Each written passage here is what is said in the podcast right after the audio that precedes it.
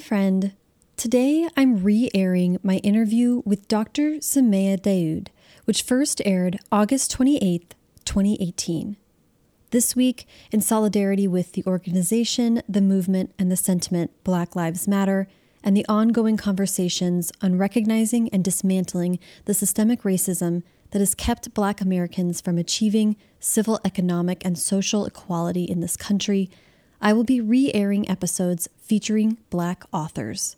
Since this episode aired, Somaiya has earned her doctorate in 19th century Anglophone literature and translations from the University of Washington, and the sequel to her debut novel, Mirage, Court of Lions, will be published August 4th.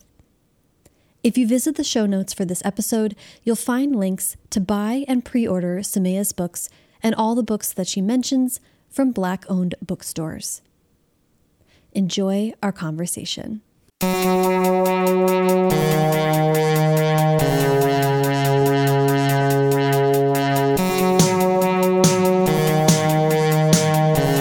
Welcome to First Draft with me, Sarah Enni. Today, I'm talking to Somaiya Daud, debut author of YA sci fi novel Mirage, which is out today. Somaiya was the very first author I ever interviewed for First Draft, way back in 2014. And she has a hell of a story to share about what she's been up to since her first book sold in 2012, and her debut novel will come out in 2018. She has so many wise words to share about a bumpy path to publication that ultimately had a happy ending. I hope you enjoy. Hey, Somaiya, how are you? Good. How are you? I'm so good. I'm so excited we could do this again. yeah, I was your first. You were my very first interview for First Draft Pod. You were so kind because it was a little bit of an experiment at the time. Um, and you were so patient and sat down and talked to me all about your writing process. Yeah. Your interview is available. Yes. It is on the website. You are the first one. And that's where we covered a lot about your personal background Yeah. and how you started writing and all that stuff. So for this interview, we're sort of going to catch up on all the time that's passed in between because one or two things have happened Yeah. for you.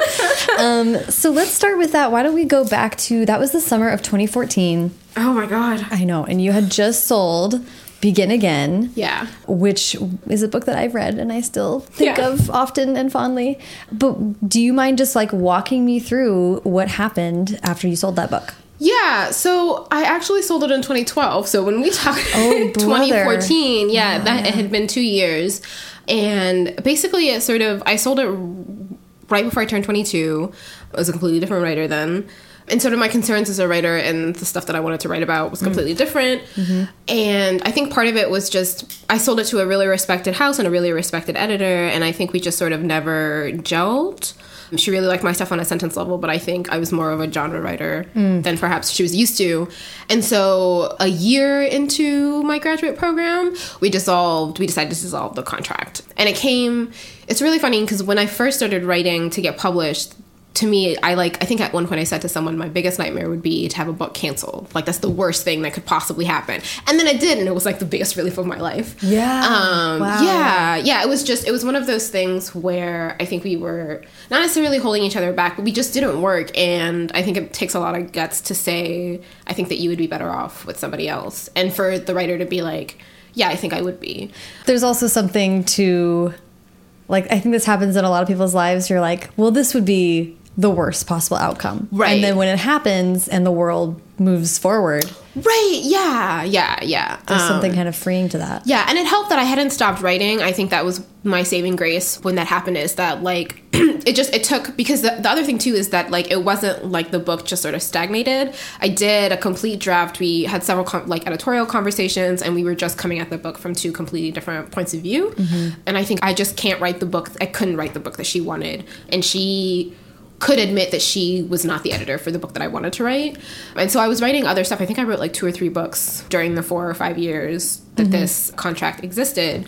And so when the contract was dissolved, it was easy to move on because it wasn't like, well, where do I go from here? I have nothing Right. else, right? Like I had been sharpening my craft, I'd become a much better writer. Mm-hmm. I sort of zeroed in on the sort of things that I wanted to write. That made the move on much, much easier. Mm-hmm. I really like hearing that because that's such a trying there was some feeling of like being on hold Yeah. for a period of time. Yeah. But what were how were you thinking about it? If you can remember back to that time, how did you stay optimistic and keep stay motivated? Oh man, it wasn't it wasn't optimism. I was furious. like no, I was furious and I spite wrote several books where I was like I am not going to be put on hold. I I mean, I was a fairly ambitious 21-year-old and I now much later much later down the line, I'm like you know, I'm so glad that book never came out. When I was that age, I didn't know what I wanted as a writer, or what I wanted out of my career. I mean, or like, I did know what I wanted out of a career, but I had no idea how to get it or how to mm-hmm. make those demands, how to frame those demands. But at the time, I was like, I will not be stopped. and so I wrote several books where I was like, this is what I want to do. I'm going to keep doing it. So that when the the deal, when the contract dissolved, I had two complete books. One book had been on sub since then, and then I had two specs for two other books. So I, I kept busy. The other thing too is that like writing is a job and most writers enjoy the job. And so it was one of those things where like I didn't know how to stop and I couldn't I could not let myself like sort of be absorbed by the sadness of like nothing is happening on this book. Yeah, and even as I'm asking you this question, it's such a funny thing because you and I have been friends for so long Yeah. that I'm asking you that, and in my head I'm thinking like, well, I don't know, why did I keep going? you know, I had a book come really close to selling and then Yeah. didn't. But in the ten years that we've known each other, we've both written like a heap of stuff. Yeah, yeah, right? yeah, it's sort of like can't stop, won't stop ever. and just like I don't know another.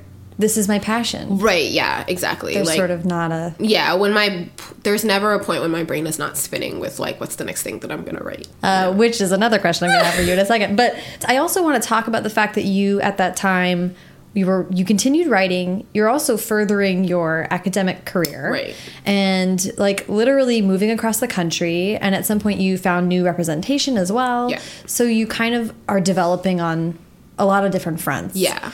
Can and and I'm uh, you've mentioned this twice already, and I'm so interested in it. The shift in how, in the kinds of things that you're interested in focusing on in your writing. yeah I'd love to hear how that developed.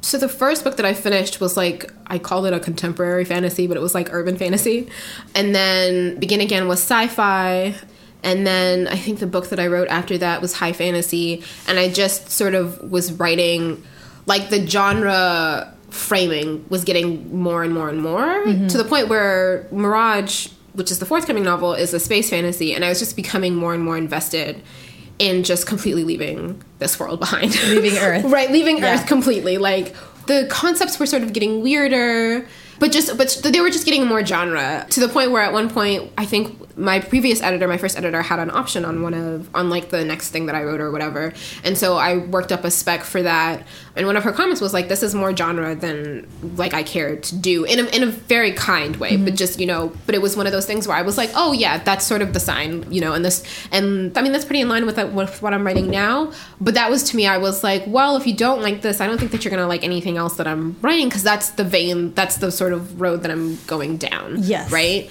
getting more tolkien less i don't know gibson i guess Yeah. Well, Um, that's, that's. That's our spectrum. Um, but no, I, I think that's such a good point. point, and like. I feel like I've seen your world building has always been really Oh, thank wonderful, but now it's like Yeah. literally the minute you start talking about a new idea, you have a very Tolkien esque like Right, the yeah. world seems to be sort of one of the first things that you dive into. Yeah, which is not always great.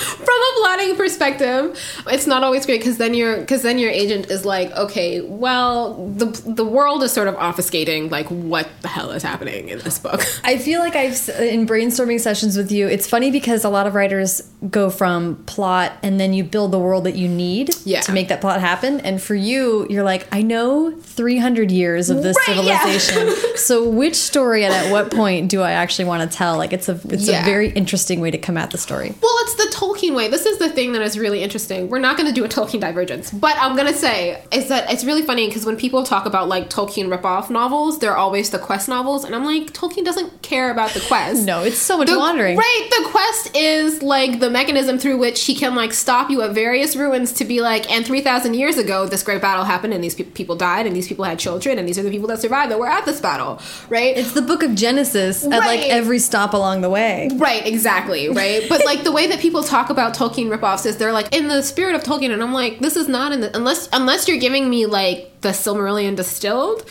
This is not in the spirit of Tolkien at all, and I don't want to hear about it.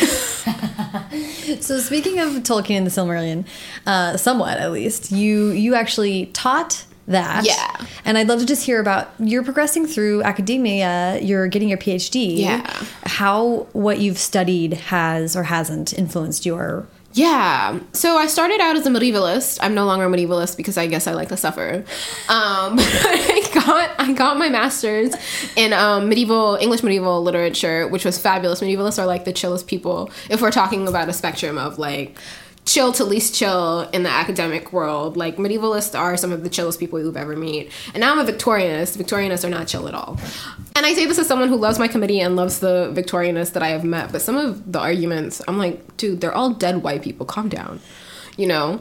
Um, they're very like for an age that it's just like still so present. Yeah. In in like conversation. I mean, part yeah. of it is that I talk to you all the time. Yeah. so we are talking about some of these issues, but also like how is that time period still so relevant in our lives? Well, I think it's it's not really over. Like we are still deeply Victorian, except that we have found a lot of ways to mask it, right? Mm. Like a lot of the obsessions with the body and race and you know class, and these are sort of perennial, forever obsessions, but kind of get crystallized in the Victorian moment, and we like to be like we've moved past that we're modern. And i'm like dude the victorians thought that too. You know like that it's that's that sort of thing. Right. Um, and so i think that's part of the reason that they keep keep sort of progressing. And it's also the sort of like uh, well if i were part of the upper class in the victorian because you don't you don't hear about like cosplaying poor Victorian people. You cosplay rich Victorian people. Yeah, no one's cosplaying Oliver Twist right. or whatever. Uh, you want to be an Emma or whatever. Right. Yeah. Exactly. And so it's it's sort of that, and that's why it's sort of present. But yeah, so I so I wrote my my master's thesis on the sort of it was a transtemporal project that sort of tried to track the ways in which the Victorian moment was rife for A Thousand and One Nights and Scheherazade as a as a figure to enter the popular imagination, right? That they had had this sort of what is the, an archetype of female storytellers and sort of the shift in popular thought and imagination about the her positioning as a storyteller with political power and a woman and all of this stuff. And so I wanted to do my dissertation on that, like despotism and how women of color, or specifically women who are marked as Muslim and Eastern, sort of figure in the idea of despotism and the seraglio and that sort of stuff. The only way that I can do that is if I moved into the Victorian era, right? Because the 18th, 19th century is when A Thousand and One Nights enters the European popular imagination. So I became that. That's so that's so that I I knew this at the time, I guess, but I kind of forgot over time that, yeah. that that actually it's like her story that just brought your whole realm of study to a different place. Right. Yeah. Exactly. And I had vigorously avoided doing anything related to the Victorians because the sort of hysteria about people of color and Muslims in the medieval era is sort of funny because England is a backwater nothing, right, in the Middle Ages. Like, call it the Dark Ages for a reason, right? Mm-hmm. And they've got like an interesting literary culture, but their engagement with the East is not in such a way that it directly impacts me as a Muslim woman living in the 21st century, right? Whereas when you get to the Victorian era, it's, you know, the racial sciences, the rise of empire, um, you know, burgeoning ideas of democracy and whether or not they apply to people of color? And the answer is no. You know, like that sort of stuff. And so that stuff is a, lot, the marks of that are a lot more present in my life and it becomes much more difficult to distance it. So my exam reading era was being like, I hate this. Right. So much. Right. Well, I was going to say that's very particularly painful to mm -hmm. have the, the, marginalization that you're still experiencing. Right. Understanding every single day with your studies how long the same shit's been going on. Right, exactly. Yeah. It's it's always really fun to be like, oh well that racism isn't new. You're just like parroting Victorian racism. Like you're not even being original right now. And it's really difficult for me to take you seriously. Yeah. So. I find that so interesting. And that was your master's uh, thesis, but what is your dissertation about? So, my dissertation is let's see if I can distill this. So, it's historiography and translation theory, which is theories of how we think about ourselves. History is like how history, or historiography is how history works. So, it's thinking about medieval revivalism and Orientalism as these things that happen contemporaneously at the same time and yet are not talked about together, even though medieval revivalism and the study of Orientalism are covering the same areas just in different parts of the globe, right? And they're thinking through the same things, which is how do we think of the history of this time in a way that produces ideas of the national imperial in ways that justify our expansion across the globe, right? Mm. So Orientalism is working to lock the East back into the past, and medievalism is trying to come up with a unified theory of England as like a homogenous white Christian space, right? To reimagine. Right, to reimagine the past in a way that brings us forth into the future. And so my th- my dissertation is about the ways in which those are medieval revivalism and Orientalism are always in conversation with each other, and they are creating, they're simultaneously creating these paths that enable like the imperial future of the British Empire in the 19th century, and how translation, specifically around A Thousand and One Nights, and how ideas around A Thousand and One Nights sort of brings these things into context. Mm-hmm. I think that makes sense. I think it does make sense, and right in the middle of that, I was like, oh, you know, I always knew you loved Star Wars. but I'm sort of like grafting what you're studying onto that world. Yeah. And it's a pretty easy step. Yeah, I always like the same thing no matter what. Like I've always had one interest. but even like the the like easternization if you will of like the jedi mm. like mode of thinking and then yeah. of course like literally the imperial empire right exactly yeah like the eradication of of like entire schools of thought or the ideas that these schools of thoughts are so ancient and backward or like even the idea there's a scene in a new hope when one of the directors or admirals is like this like backwards religion and it's like that's how you sort of delegitimize an entire force that mm-hmm. that like ran the galaxy however many years ago yeah and right? it's still like actively like enabling people to murder you. Right, yeah. and take down your starship. yeah, that's so okay. That's super interesting because I want to sort of like get to how those things, especially in the context of like science fiction. Mm -hmm. We'll get into that. But so why don't we why don't you lead me to Mirage? Okay. How Mirage came about. Oh boy. So Mirage came about, I got approached, or my former agent and I got approached by a project that was basically a space opera. There's this idea of a body double. We got approached by Alloy for this project. And when I first got it, I was like, I don't want to do it. Just because I had this weird idea that like I wanted my first book to be mine right? I really want you and I to talk about this. Yeah. But please go ahead. Um, like I really wanted it to be mine and I forwarded I texted my sister and I was like, look at this thing that I just got. I don't want to do it. I'm like in the middle of this other project. Begin Again's contract was just about to be dissolved. Mm-hmm. It was this whole thing. And she emailed me back and she was like, Somaiya, if you don't apply for this and some white woman gets it and then you see the book announcement, you are going to regret this for the rest of your life. That's so because the other thing too is part of it was like a cultural element. They like wanted a cultural element in the book, and she was like, "Somaiya, some white woman is going to get this, and you were going to kick yourself like you were going to be haunted by this book for the rest of your life, basically. And I was like, fine, whatever. I'll like, you know. But the more she talked to me about it, the more I was like, yeah, yeah, yeah I want to do it. So I, I wrote a sample that I don't think is actually in the book anymore. And we sort of went back and forth, and it was it was this whole thing. But I got hired on. They were like, "You're our top choice. We're really excited." They then brought me down to, or brought me up to New York mm-hmm. to do a plotting session for the first. Because the way that it works is once you once your sample is accepted you write the first act mm-hmm. and that goes out that's what goes on on sub to editors mm-hmm. and so they bring you into new york to their new york offices and you spend like eight hours like it's so long you spend eight hours drumming out the beats and the plot and stuff of the whole series or no of one? just yeah not even of just book one of those the first act oh, right wow. yeah you just do the first act before you go on sub mm-hmm. um, so we spent eight hours doing that and it was really great. Like I went in because Alloy's the book packager that did Gossip Girl and the Vampire Diaries, and I signed on to this deal a couple of years after the original L.J. Smith had been fired from the Vampire oh, Diaries yeah. project. Do you remember this? Yes, I do remember that. And so I was really apprehensive and i was and the, the other thing too is that among authors alloy is sort of known for it's a good deal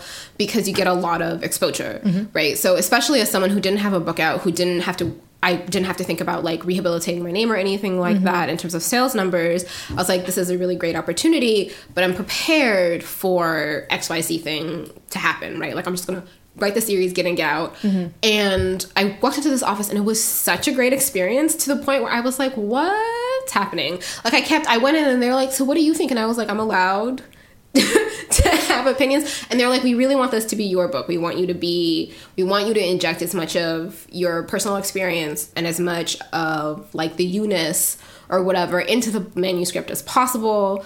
We really want this to feel authentic and real and, and all of this other stuff. And so it was a great session and I we got we all got along really well.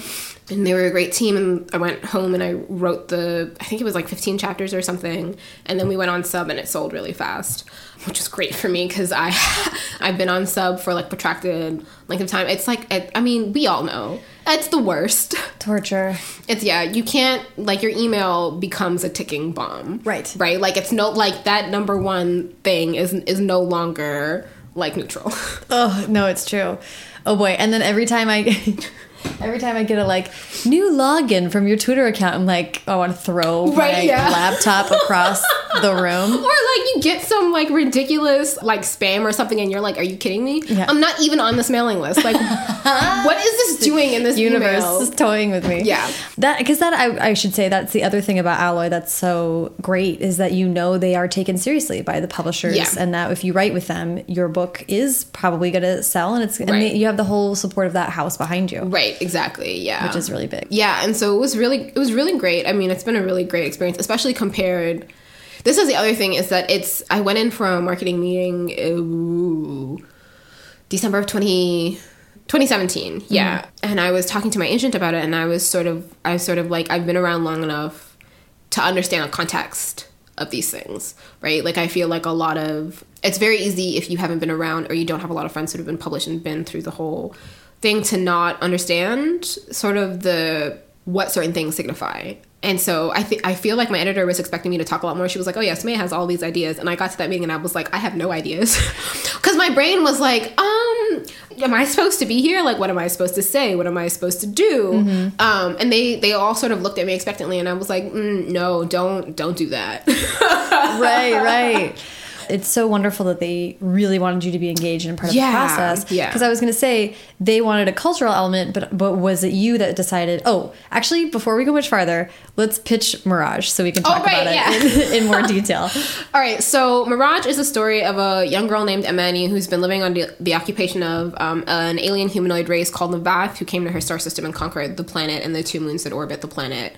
And on her, she's 18, and on her majority night, the Kesbeh that they're in is stormed and she's kidnapped and taken to the imperial palace on the main planet. And it's because it turns out it's because she looks exactly like the imperial princess maram and so she gets she's being she's going to be trained to be her body double so that because maram is so hated by the people her father's by the native people who have been conquered by her father that she can't go out in public without a body double right? Like she's constantly sort of under threat so she gets pulled into this palace and she gets pulled into the politics. There's sort of a resistance, and there's boy who's engaged to Maram, so that complicates things a little bit. star-crossed. Yeah. Yeah. Tension. Aw, Idris. He's so great. Idris is, you all will love him. He's fabulous. That's ridiculous to say because he's mine, but you know. Uh, he is fabulous. No, he's so fabulous. Yeah, so that's so that's Mirage. And so Amani's culture, her indigenous culture, is very much drawn from my experience as a Moroccan. My mother is Moroccan. And so there's a lot of food and clothes and language and stuff at play in the book. Yeah, and that's so they were obviously open to you saying like, yeah, let's create. Yeah. So the original pitch I think had a Turkish element and I was like, I don't know anything about Turkey. I've seen Magnificent Century, but that's not really a historical resource. you know. That's true. Yeah, it's not a historical resource. And I was like, but I am Moroccan, so I can do that. And they were like, yes, please do that. Like, lean into that, make that.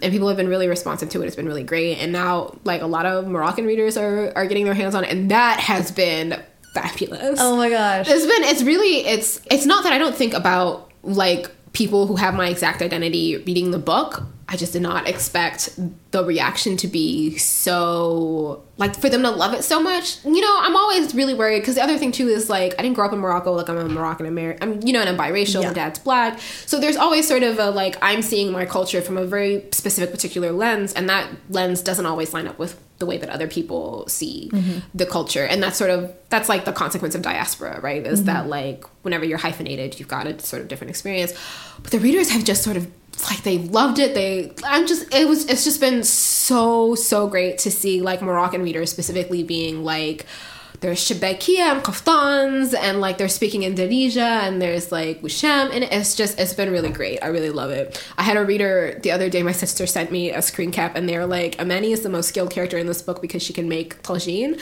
And I was like, I can't make tagine. Ah, so that's amazing. and aspirational main Yeah. character. Yeah. I love that. Oh my gosh, that's so that's so cool. I do want to I want to talk a little bit about that thing that we have in common, which is mm. that we've been writing books for Yeah. nigh on Forever. a century now, I guess. And then both of us are coming out with our debut books Yeah. that are IP projects. Yeah. And we both ha- were so lucky to have the experience of being able to really. Yeah. We are in our books. Right, Like yeah. our books are ours Yeah. for sure. But they definitely are coming from that point of view. I would really, I mean, I had a hard time with it. Yeah. How did you feel going through that process? um I mean, you're still in it because it's a series. Yeah, yeah. So I'm still in it because there's three books in the series, and I'm finishing up the second, the first draft of the second one now. I don't. I think once the Moroccan aspect was introduced, I was able to be like, I know more about this than you all. So Yeah, totally. you know, so I think that's part of it. The other thing too is that like there was just sort of no way that I wasn't going to be super enmeshed with it because this is sort of I say this I feel like I say this in every interview, but I'm a huge fan of the Star Wars prequels and I'm a huge fan like Padme Amidala was my favorite character and I love the idea of her and her handmaidens and I mean it's the whole body double thing, right? Is mm-hmm. that they can be her when it's not safe for her to be her. Mm-hmm. And so like book 1 and book 2 is like drawing so much on like everything that I ever loved about Attack of the Clones and Phantom Menace, right? We don't talk about Revenge of the Sith. but everything that I loved about the Phantom Menace, everything that I loved about Attack of the Clones, like the Ouzdad section, which you've read, when you read this book, the Ouzdad se- section is like, hey, what if I got to write the leg in Attack of the Clones where Anakin and Padme are on Naboo in the villa alone without anybody watching? and they've got this huge carrot dangling and they've got to resist the carrot, mm-hmm. right? So in that way, I think it was, I had an easy into it. And then I don't know. I and then it got to a point where I was like, these characters are my characters. I feel like I understand them so well, and I understand the systems that they're moving through so while Like there are no people of color on my team, which is sort of a testament to publishing. So I'm the only one who can sort of speak to my editors about that sort of thing. So it became it also became imperative for me to be able to be like, this is the this is the line with like the stuff that we can do. Like this is kind of racist we can't do mm-hmm. this that sort of thing and so the, the stakes for that like i had to be able to feel like i, I could be able to say sort of that that sort of thing Yeah, I mean, it's amazing that you were empowered to. yeah and they yeah they created an environment where i felt where they were like say the stuff that you need to say so that i could say like we can't do that Right. you know Well, and not only are you the author and the person who uh, knows firsthand and, and is of the culture you're speaking about, but you're also like an academic and like colonial. I mean, like you just are like qualified on Right, every yeah. level. I mean, like, my whole thing is I'm doing post colonial studies and translation theory, and so much of the book revolves around colonialism and translation and, like, language preservation and that sort of thing. So you can be like, trust me. Yeah, I'm like, yeah. Yeah. Like, I know my stuff. So, in, in that way, it made it easier. And I think part of it, too, is that they handed it off to me, right? Yeah. They were like, this is yours. We really want you to make it yours. And they've always been really great about that. So, I, I don't know. I feel that that was part of it. And then the other thing, too, is that, like, I think it took a while for me to like get into it, but once I had a Pinterest board, Oh, yeah. that's when I was like, all right, I'm starting to get a feel for it. Yeah, yeah, yeah. know? yeah. Well, it's funny how little things become like the marker. Right. So so just talking this out with you because I think it's so interesting. I was talking to someone about how like in some ways this makes it feel like it's my second book. yeah. I feel like we're knocking out I'm this is a very hopeful statement. Yeah. But I feel like we're knocking out in some ways the like second book thing. Yeah. With the first one because it's under contract. Yeah. It's a book that we feel like we had to get a grip on making it our own. Right. And like all of this stuff that came that comes along with Yeah. second books for a lot of people is Yeah. sort of tr- like piled onto mm-hmm. these mm-hmm. ones for us, which to me meant meant that this writing this book was really hard. yeah. But I think that going forward will hopefully be yeah. easier in other ways. Well, it's really funny because writing the first book, I didn't feel like the eyes of the publishing community were on me, Mm. sort of thing. Partly because about halfway through the begin again contract, I sort of ghosted online. Hmm. And so, like, I, I think my Twitter was still up, but I wasn't really tweeting a lot. I wasn't really talking to a lot of people. Like, you know, I just Yeah. was sort of invisible to the point, and now people are like, oh, you baby debut. And I'm like, oh my God, mm-hmm. I've been here longer than you. I've been here for an age. right? Yeah. Exactly.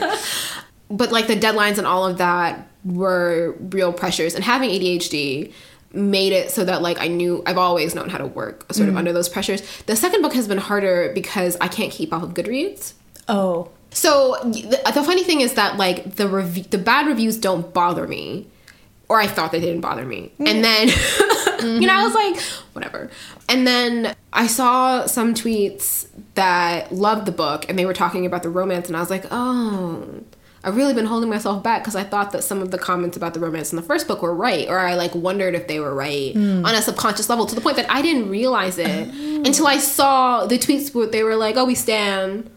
These characters and I was like, oh right, I'm actually really good at writing romance. I forgot. Yeah. You know. Oh, that's so interesting. Um, so the second book has been harder in that sense because you're because you're not just dealing with the promo, you're dealing with the promo of the first book, you're dealing with people receiving the first book, and you almost feel like you're in a place to correct people's conceptions about the first book through the second book, which is really dangerous. That's so true, and that is a very unique second book experience with Yeah. Mm-hmm. series, which is like the other thing that I am off the hook for. Yeah, right? no, it's it, that, that's a really good point. Like starting to see feedback on something when you're just wrapping up the second book. Right. And the other thing too is that like ostensibly like I don't care about what people online have to say about the book. Like that's always been my party line is I'm like I'm not being critiqued by the masses online. I have three editors. I have an agent. I have a really great group of friends who are really critical, uh, critically minded and sharp and are not afraid to be honest with me about things that need to be fixed or revised or whatever. So to me, sort of the online perception of my work from a critical perspective is sort of like whatever. Yeah. I don't care. Like there are writers who are like, "Oh yeah, the, I've really learned from online feedback," and I'm like, can't relate. you know, not because online doesn't have anything good to say, but it's sort of like at some point you have to close the door on the voices, and I've already got 5 Mm-hmm. Like that's enough. We're Yeah. you know we're full. No vacancy. no vacancies. Sorry. Yeah. Um, No, that's really true. yeah, yeah. And so having to remind myself of that. And then I also have friends who are like, I mean, you're one of my friends, you know, like who are just really great about gassing you up and just sort of being like, no, you're really smart. And I am really smart, but it's also nice to hear it. Yeah. Right? You know? Well, also the fear is that like you're like I'm really smart, but then your book could still be dumb. right. It no- doesn't translate. It's not a guarantee. Well, this is also the problem. This is oh, this is why you will not catch me on Twitter saying jack shit about craft. right. Right? Right. Right. Right. because because this is the other thing is that I live in perpetual fear of sounding really smart and then like the book doesn't match because this is not this is not just true in like creative writing this is true in like academic writing like you go and you listen to someone talk and you're like wow and then you read their book and you're like this person doesn't know how to write Yeah. you're like I don't none of that translated to this book. Like I don't understand what you're saying. And then people will be like mm-hmm. maybe you just don't understand the complexity. And it's like no no. We as a group of academics have a problem in that we don't know how to distill our, idea, our ideas simply. Right. you know I like- will say that is the whole thing about academic right. writing. and they're like oh no it's a way to keep out people. And it's like no you just don't know how to convert your ideas in a way where i can understand what you're saying. Right. And so i sort of live in perpetual fear of being able to deliver on that when i talk and then people read my book and they're like where was where's that Somaiya bring her back. That is so that's so interesting and such a like specific thing to be concerned about when you are sort of an active writer in two different yeah spheres. yeah yeah Because you can get away with a lot in academic career. You're like there you can make assumptions about your readers Right, in yeah. that space and then because you've got like a hundred readers like monographs i think they used to sell more but now i think a monograph will sell a hundred copies in a year and that's considered good Yeah, so your it. Mm-hmm. readership is way smaller you know you're reaching the old white dudes who i mean not just old white dudes but you know it's a very sort of narrow people and it gets more narrow the more specific the topic of your dissertation is Yeah. I want to talk about Star Wars slash sci fi Mm. type of thing, especially with Moroccan influence, Mm-hmm. and then also uh, the poetry part of it. okay So you had this really great interview with um, your friend Chelsea. Do you want to name her YouTube channel or can Yeah, so it's her name is Chelsea Grimmer. She's got the poetry vlog on YouTube, and it's the underscore poetry underscore vlog on Instagram and Twitter. It is a really great conversation. Uh, she's another academic. Yeah. And you guys talked a lot about science fiction. And not only, I thought it was so interesting to hear a little bit of you guys talking about how science fiction is studied Mm-hmm, academically versus how it's like perceived or, or talked about Yeah. in popular culture. And especially the part where you were talking about bringing a Moroccan element to it and the Yeah. concepts of modernization. Can you sort of just like give me a little bit of what Yeah. So the conversation with Chelsea, which you should tune into the whole thing. totally, I will, I will um, link to it in the show notes. Yeah, but so the conversation with Chelsea was in response to I've I've seen because I'm on Goodreads because I'm a fool. Um, I've seen some responses and it's been really interesting and a little bit and a little bit frustrating to see responses that are like, oh well, it has a sci-fi element, but there's all of this like old timey stuff. The old timey stuff being like the Moroccan stuff, Right. And so it's just ridiculous to me. Chelsea and I talked about the ways in which like these false ideas of like what it means to be modern and what it means to be progressive or what it means to exist in the future and sort of what those what we're allowed to do in those genres or what people perceive us as being allowed to do in those genres. And like Star Wars I think is the best example of this uh, which is that it's like if you know the the extended Star Wars canon, it is this like really lush diverse universe of planets that have these very different cultures and have these very different rituals. Like even thinking about the Jedi, they're like an order of priest knights or knight priests that mm-hmm. defend democracy mm-hmm. or whatever, right? And so thinking about what sort of rituals we carry forward. And so whenever I get, whenever I see these comments where it's like, I think one comment was like, it's so weird that they're in the future, but they have tribal a tribal system.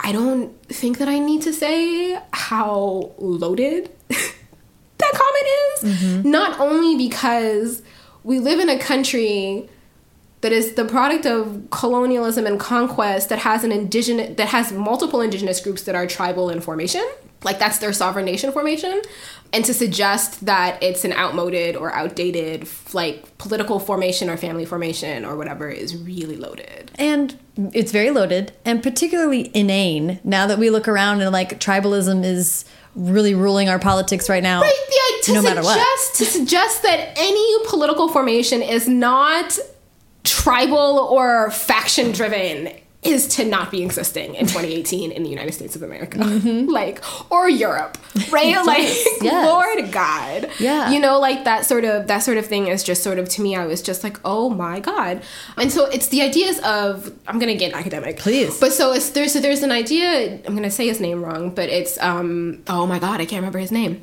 Well, he wrote this seminal book in post-colonial studies called Provincializing Europe, right? And so it basically talks about the ways in which Europe's idea of modernization was in part built on the idea that the rest of the world was caught in a historical waiting room, hmm. right? And so that the, primarily the East, and he talks a lot about India because I, I believe he's Indian, but so the idea that other countries and other cultures and other religions that were not Christian We're basically in a waiting room, waiting to advance into modernity, right? Waiting to to adapt either a sort of secular view of their religion, waiting to adapt democracy, waiting to adapt particular technologies that that are sort of proliferating in Europe, and until that they could prove that they were ready to adopt these things, they would forever be caught in this historical waiting room and they would forever be thought as backwards and historical and this sort of thing, right? To the mm-hmm. point where in some versions, some translations of Arabian Nights, there's one, I can't remember the guy that did it, but there's one version that's written as an ethnography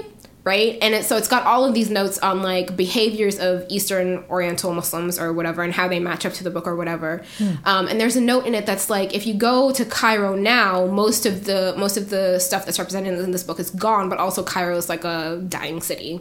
So I don't think that people realize like this is what I'm talking about when I'm when I'm like your racism isn't even new it's not original, right? Is that the ways in which we carry on this Victorian racism, the idea that like culture, non-Western cultures are automatically ancient, right? Mm-hmm. Non-Western religions are automatically ancient. Like they're automatically relegated to the past. There's no way they can be brought forth into the future. Right. Is a deeply racist idea that has its roots in British imperialism as a t- as a tool, right, to prevent these people from self governance, right?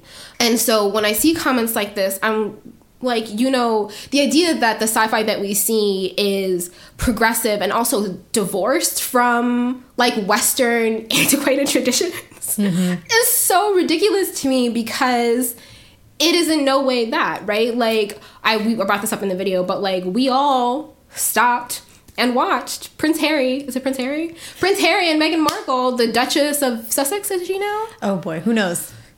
Those two. Uh, clearly, I it's too much. King, king and queen of our hearts. right? But we all stopped and watched them engage in this ridiculously antiquated tradition. And not marriage is an antiquated tradition, even though it is.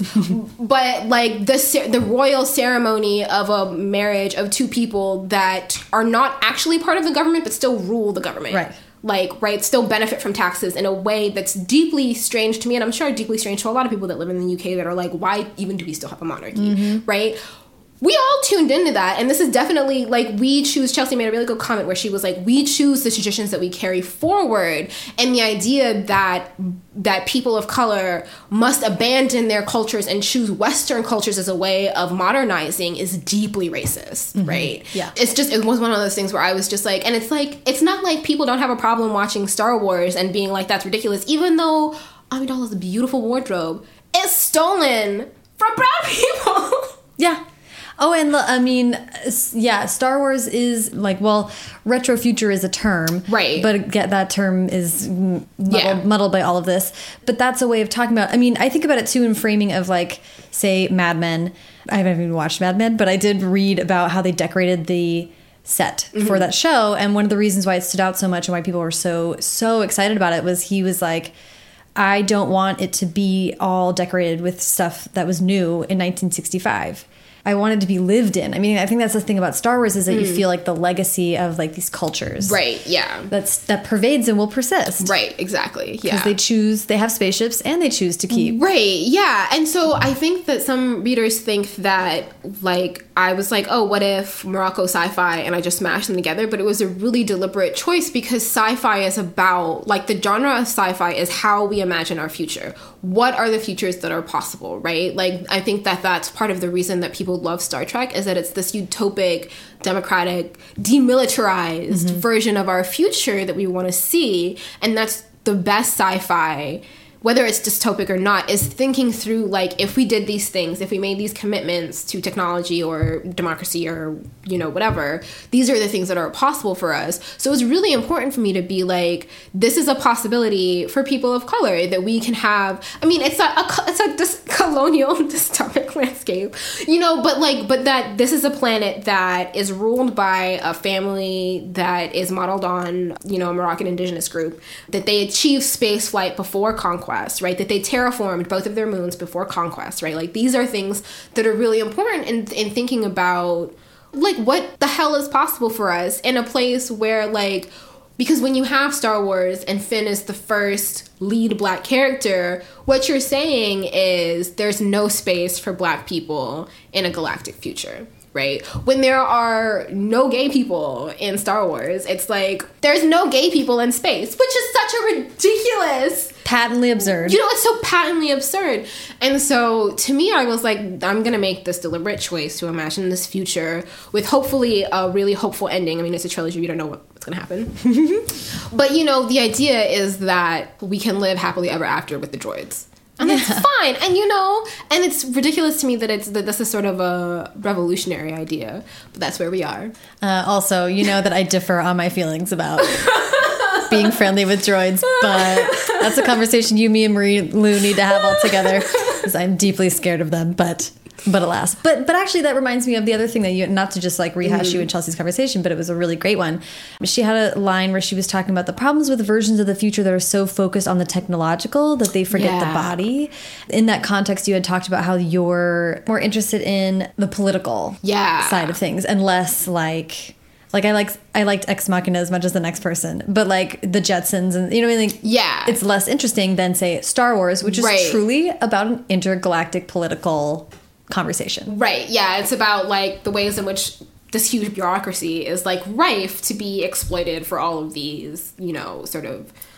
for the Sith and blah blah. Mm -hmm. You know, and there are extended Senate meetings. I mean, it's like right. truly. Well, like, and also, I like I don't know that I'm gonna get to write this in Mirage, but like my favorite scene in the Star Wars trilogy. I mean, I have a lot of favorite scenes, but one of my favorite scenes is when Amidala in the first movie is like was not elected by my people to watch them suffer and die while this is debated by committee. Like this is like the Senate scenes are so great.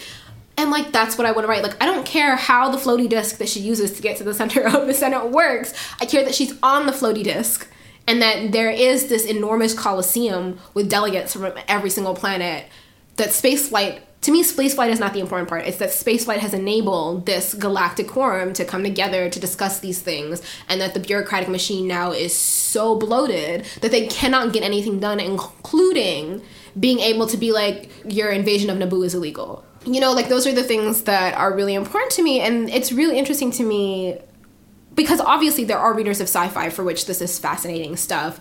But for me it's not just that the politics are more interesting it's that like i can't forget that i'm in a body. Like i feel like straight white men are not the only people that write this hard sci-fi but they're some of the pe- they're the people that can most easily forget that they inhabit a physical body. Whereas if you're a woman, if you're Muslim, if you're brown, you know, if you have all of these sort of attendant identities, there are all, all of those identities are deeply tied to the body and inhabiting that body and being aware of the ways that that body moves through space, right? Space. Literal time and space. Right, exactly. All all forms of space, yes. right? Like and the sort of like you're sort of always aware of like where you're standing in relation to violence, where you're standing in relation to pleasure, where you're standing in relation to being viewed by other people. Like th- these are ways in which like leaving the body behind is not an option for me. Like there is no way for me to be like what if I didn't have a body? Right. Yeah, that's it's just such a funny way to think about like some people viewing science fiction as this like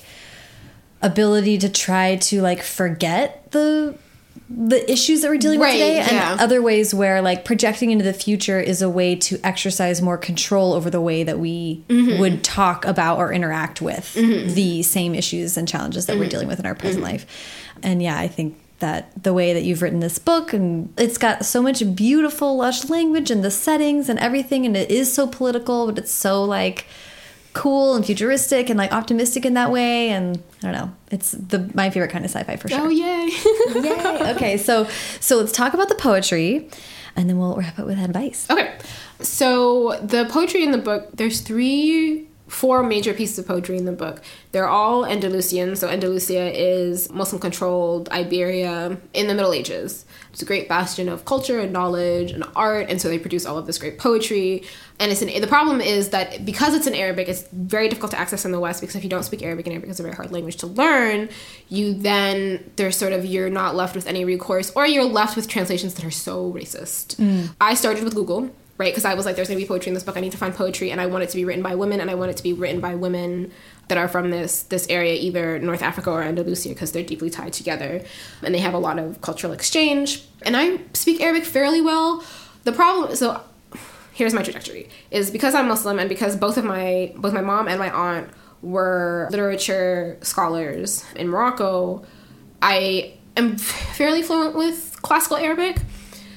The problem is before a certain point, Arabic did not have vowel markings, which is how you differentiate different types of words. Did not have punctuation, so you don't know when a sentence ends. It's also very different because language changes over time. Whoa.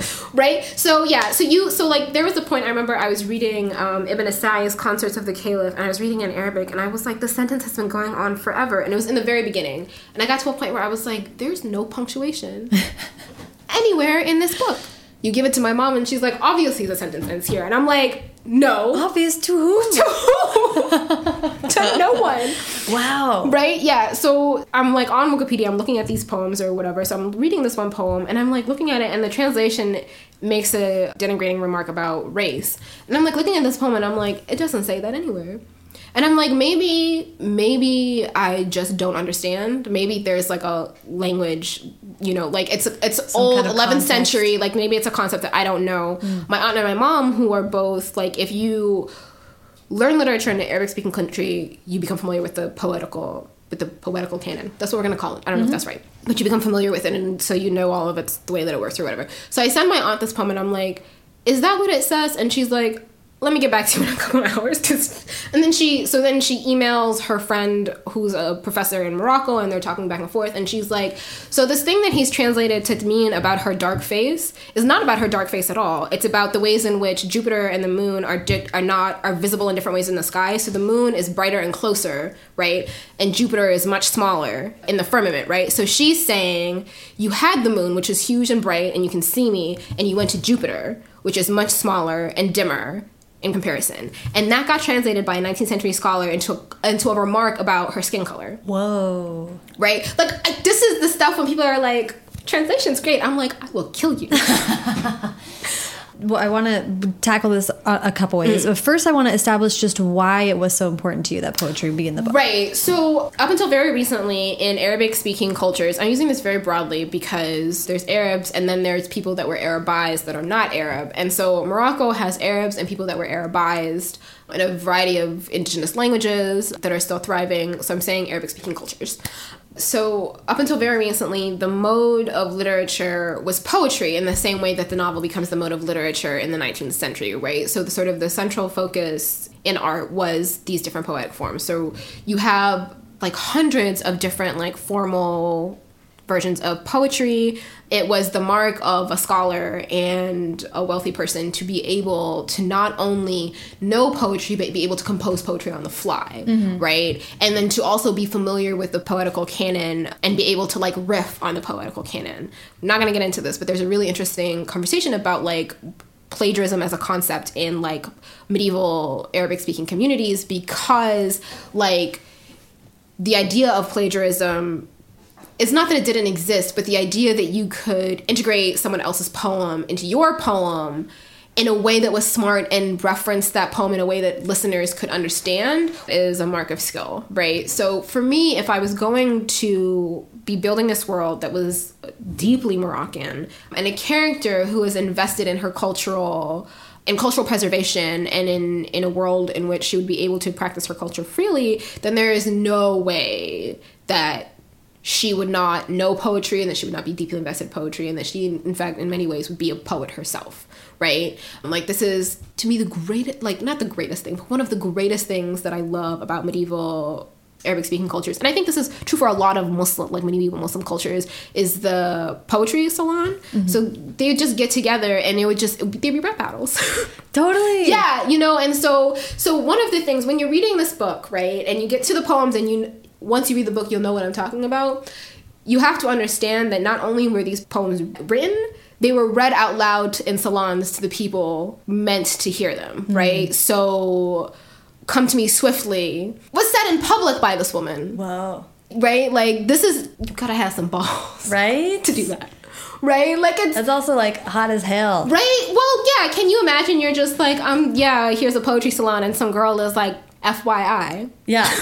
and so for me, I was like, this is a whole, this is an entire cultural construct that if I'm going to build this culture, in which this is an, a huge piece of it, you know, I can't pretend they had the novel because the novel rose up in the 18th and 19th century in Europe around very specific cultural conditions. Like we have the novel for a reason. It's not an accident, mm-hmm. right? Before the novel, it was the romance, and the romance served a very particular sort of purpose, right? Like, and before that, it was poetry. Mm-hmm. You know, like these things serve particular purposes, and so I couldn't make this culture or like you know pull draw really heavy on it and then be like forget poetry mm-hmm. but it was great because then i would call my mom and my aunt and be like help me translate this poem because i don't recognize this word you gotta, yeah. you gotta walk me through. so I love you embarking then on this whole other project. Yeah. I mean, like some people's life's work is doing this kind of translation work. Yeah. And it's so cool that you sort of got to dip a toe in that world. It was so fun and it was great too because my dissertation is about translation. So it helped that I was already I already had a lot of resources. Like I was reading a Moroccan scholar's books on translation theory and specifically thinking about how we translate Arabic into Western languages and stuff like that. So I was already doing a lot of that work on my dissertation, and then so I was like, all right, well, we gotta, we ha- I have to translate this because I'm not taking, because some of the translations too that I found, I was like, this is just not pretty. Mm-hmm. You know, this is just, it's not working. It's not poetical. Like an English speaking reader is gonna read this and be like, and it's gonna go, why does she care about Arabic poetry when Arabic poetry is some of the most beautiful poem poetry in the world, right? Mm-hmm. Like Arabic is one of the most beautiful languages to me in the world. And I was like, this needs to be conveyed to the reader. So I was like, all right, we're gonna go gonna go back to square one and just translate from the ground up. And it was really great and really fun. And it also made me a little bit more forgiving of translators because we got to a point where I was translating lines from Ibn Zaydun's The Nunia, and it's when you get to the book, it's the poem that Idris recites to Amani, and it's a "Please come back to me, I love you" poem. It's really tragic. It's such a beautiful poem, and there's only five lines of it, five or six lines of it in the book, and it's so beautiful in Arabic, but it's got this formal restriction on it, which is in Arabic, it's called the Nunia because it ends in the letter Nun. Every line ends in the letter Nun, mm-hmm. right? You sit down and translate that into English. There is no Nun in English there's no way there, the way that case endings work in Arabic is not translatable in English. There's no way, right? It's a sonic effect. So I sit down and translate this and I'm like, all right, there's no way that I'm going to be able to reproduce this sonic effect.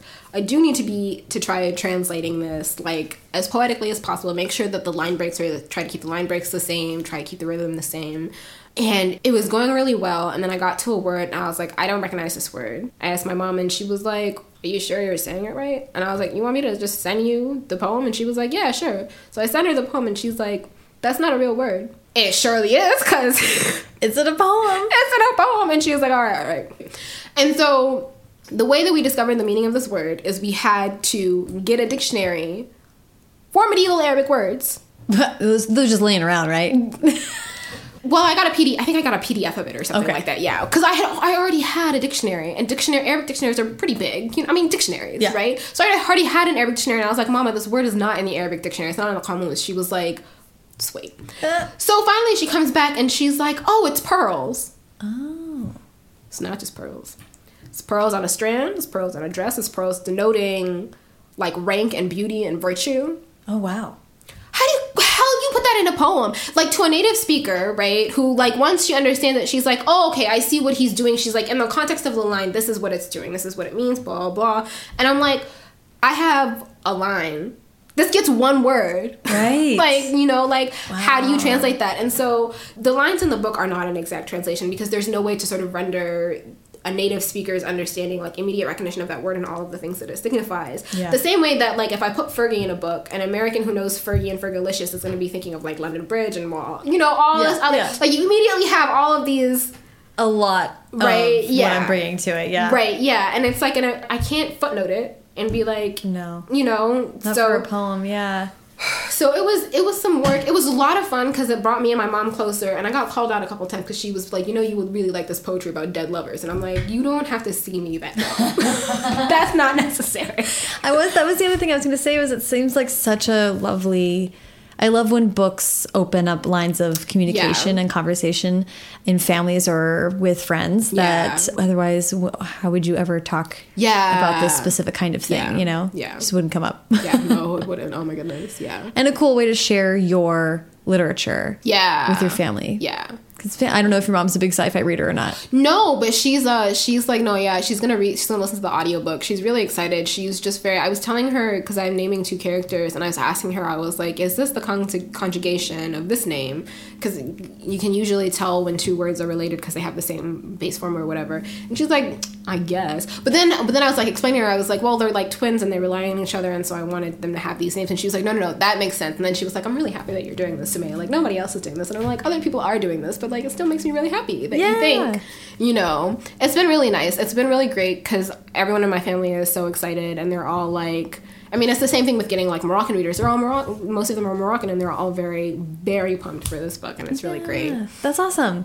And the last thing about the, about the poetry is you mentioned the audiobook and you had i think a really great experience with them wanting to take care with yeah yeah it was really great. So they sent me a reader like a, an audition clip from a reader and i was like she wasn't arabic speaking. I think she was indian and i was like her arabic pronunciation is and i was like if it was a word or two in the book or just the names i would make my peace with it. But there is a point in the book where amani recites the poetry in arabic and i was like it is very important to me that it doesn't sound like she's blind reading, mm-hmm. that it mm-hmm. sounds like she actually understands what she's saying and that she recognizes the words.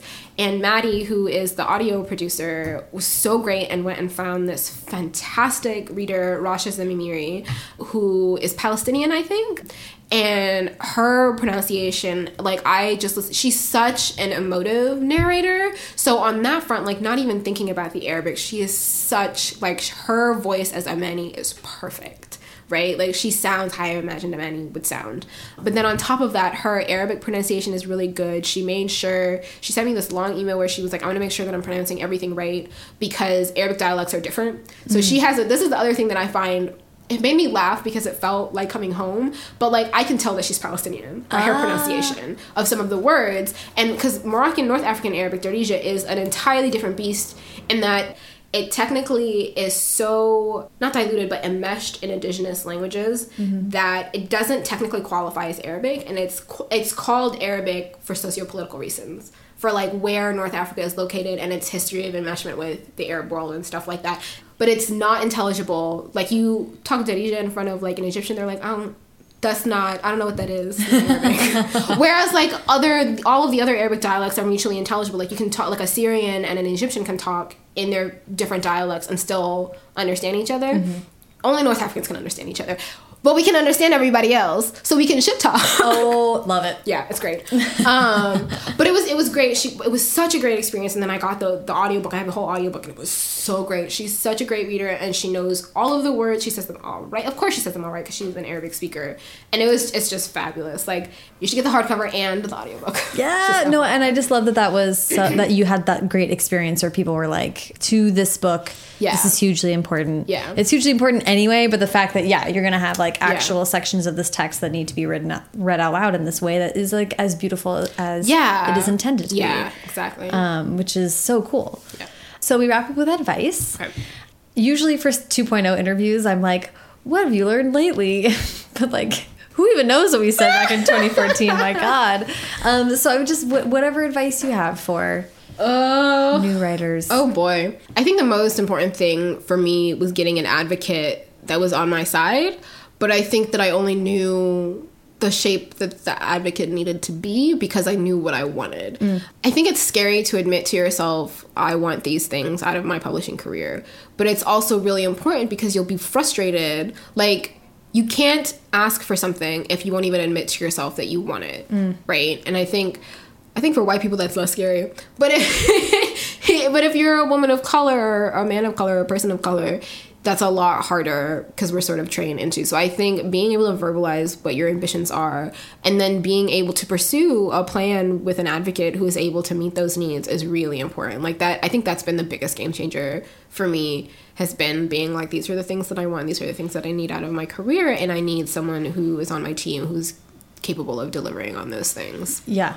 And an advocate who will not only take you seriously, Right, yeah. understand what when you are able to like be open to hearing you say your goals, take them seriously. Yeah. And then also, I think the important thing, and I've seen Jo, your Jo Vol- Volpe, your agent, do this for a lot of her clients, is like she puts those goals into context. Yes, yes. Because that's the other thing. Because if you're like, I want a million dollars, like if I told Jo I want a million dollars, she'd be like, well, let's let's talk about that. You know, like you don't want you don't you don't want a yes man, right? Like you want someone understanding the differences between someone who's going to advocate for you and push hard for you to get the best possible deal versus someone who is not even going to bother who's going to be like i don't want to ask those questions for someone who's lying to you who's like absolutely you can get that seven figure deal like those are different things and i think being able to identify the difference between those things is really important right Yeah. like if i i had an experience where someone was like I think I heard this through a friend or something, but they were like, "Oh yeah, well, I was talking to an agent, and she was like, yeah, we're only going to sub this to the big five, and we're going to get you like this huge six figure deal." And I was like, "Uh, uh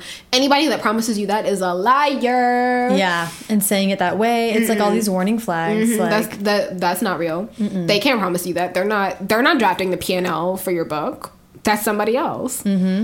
the best kinds of conversations I've had with my agent are like, here's this version of your path. Here's this Mm-hmm. Right, version. yeah. And like, what are realistic pros and cons to each Right. of those things? And, you know, my agent is very like, I want you to be a happy artist. Yeah. And I had to be clear with her, like, yeah, well, part of that for me means like, I want to be, make money doing this. Yeah, I want to make well like having someone who can be like this is a career. Mm-hmm. Let's think not just in the context of this one book but how we're going to set this up for your next series for your next book for all of these other opportunities. Like when i the first time i talked with joe i was like well i want to be doing all of these different things and i want to be able to work these in. And i think at, at one point i foolishly now that i'm dying if you if you follow me on twitter you know that i'm dying. But before i was dying i was like well i want to be like a two book a year person eventually. And she was like there was like a pause. She was like, okay. and now I'm like, yeah, I can't do that. But it was a part of a, a larger conversation when we were able to, we were talking about like what shape I wanted my career to look like, planning sort of what books we would be working on next together and that sort of thing. And that was really important. And that was something that I didn't get from my previous relationship with my agent that was really important to me and was, was a really big frustration. And some people are fine working book to book. And I think that if I were someone who was going to do, be just a straight up academic, that would be fine. But I was someone who wanted to eventually transition into full time, and who, who still wants to eventually transition into full time writing. And so having that career talk and being like, how are we going to build you up to that was really important. But when I was 21 and I signed with my first agent, like that's not a thing that I knew how to verbalize or how to say or a conversation that I knew how to begin. Um, And there wasn't a lot of like we started writing books when YA was kind of like gaining this wild head of steam. and Yeah. so many, and it but it wasn't like these conversations were being had explicitly about like how to think long term. Right, yeah, yeah. Because there are a lot of people when we first started writing who I'm like, oh man, remember her? A lot. Nobody does. Yeah, you no. And it's and that's not a that's not necessarily a bad thing because they're not dead. You know, Yeah, they're off yeah. doing other things. But to me, writing was always going to be like a long time, lifetime endeavor. And to me, one of the biggest pitfalls I see other writers make is not thinking about what does the shape of that look like, right? Like I don't want to be chasing book deal after book deal. I want to be thinking about like how am I growing my audience? How am I making sure that that book deal is right around the corner, mm-hmm. right? And mm-hmm. like and you can't plan for every eventuality, but like knowing that there's someone on my side that is also thinking in that way is a huge relief. Yeah. Dude, this has been such a joy. Thank you so much for taking all this time. This was me. so fun. I like. I really. If you're listening to this, you already know this, but Sarah's like one of the best podcast interviewers out there, and so this is a real pleasure. Well, I'm so happy that we could finally meet up again. Yeah. Interviewer number one. Yeah. Forever. Yeah.